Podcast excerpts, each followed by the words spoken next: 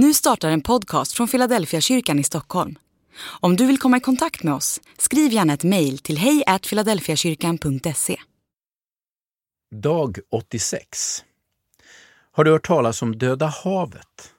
Det är ett av de giftigaste vattnen i världen.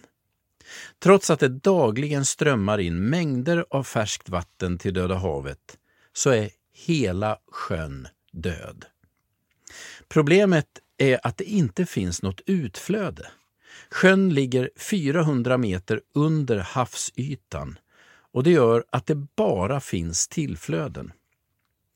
Det hjälper inte om man tillsätter mer färskvatten i sjön.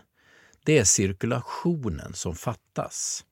Döda havet är en skrämmande bild av vad som kan hända med en människa som inte lever i utgivande.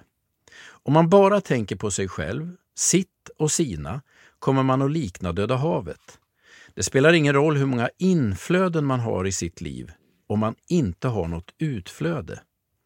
Du behöver tjäna andra människor för att få ett friskt inre.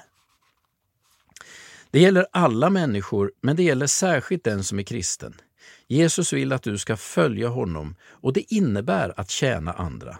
Det behövs ett ständigt utflöde för att ditt andliga liv ska vara friskt. Andlig övning. Se över ditt tjänande. Tjänar du andra människor utifrån din tro? Kanske ska du anmäla dig som barnledare i kyrkan eller vaktmästare eller värd. Kanske ska du vara med i en serveringsgrupp eller bjuda hem grannen på kaffe.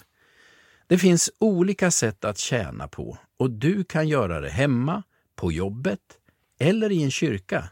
Det viktiga är att din tro får utlopp.